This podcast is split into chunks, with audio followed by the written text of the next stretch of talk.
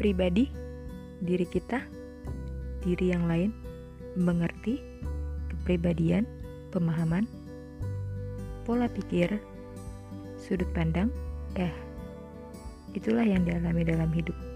Maka, kita akan kupas tuntas logis, intuisi, dan segala hal tentang pemikiran saya maupun Anda dari berbagai sudut yang berbeda dengan mengenali karakter diri dan improvisasi apa yang kita rasakan. Selamat mendengarkan.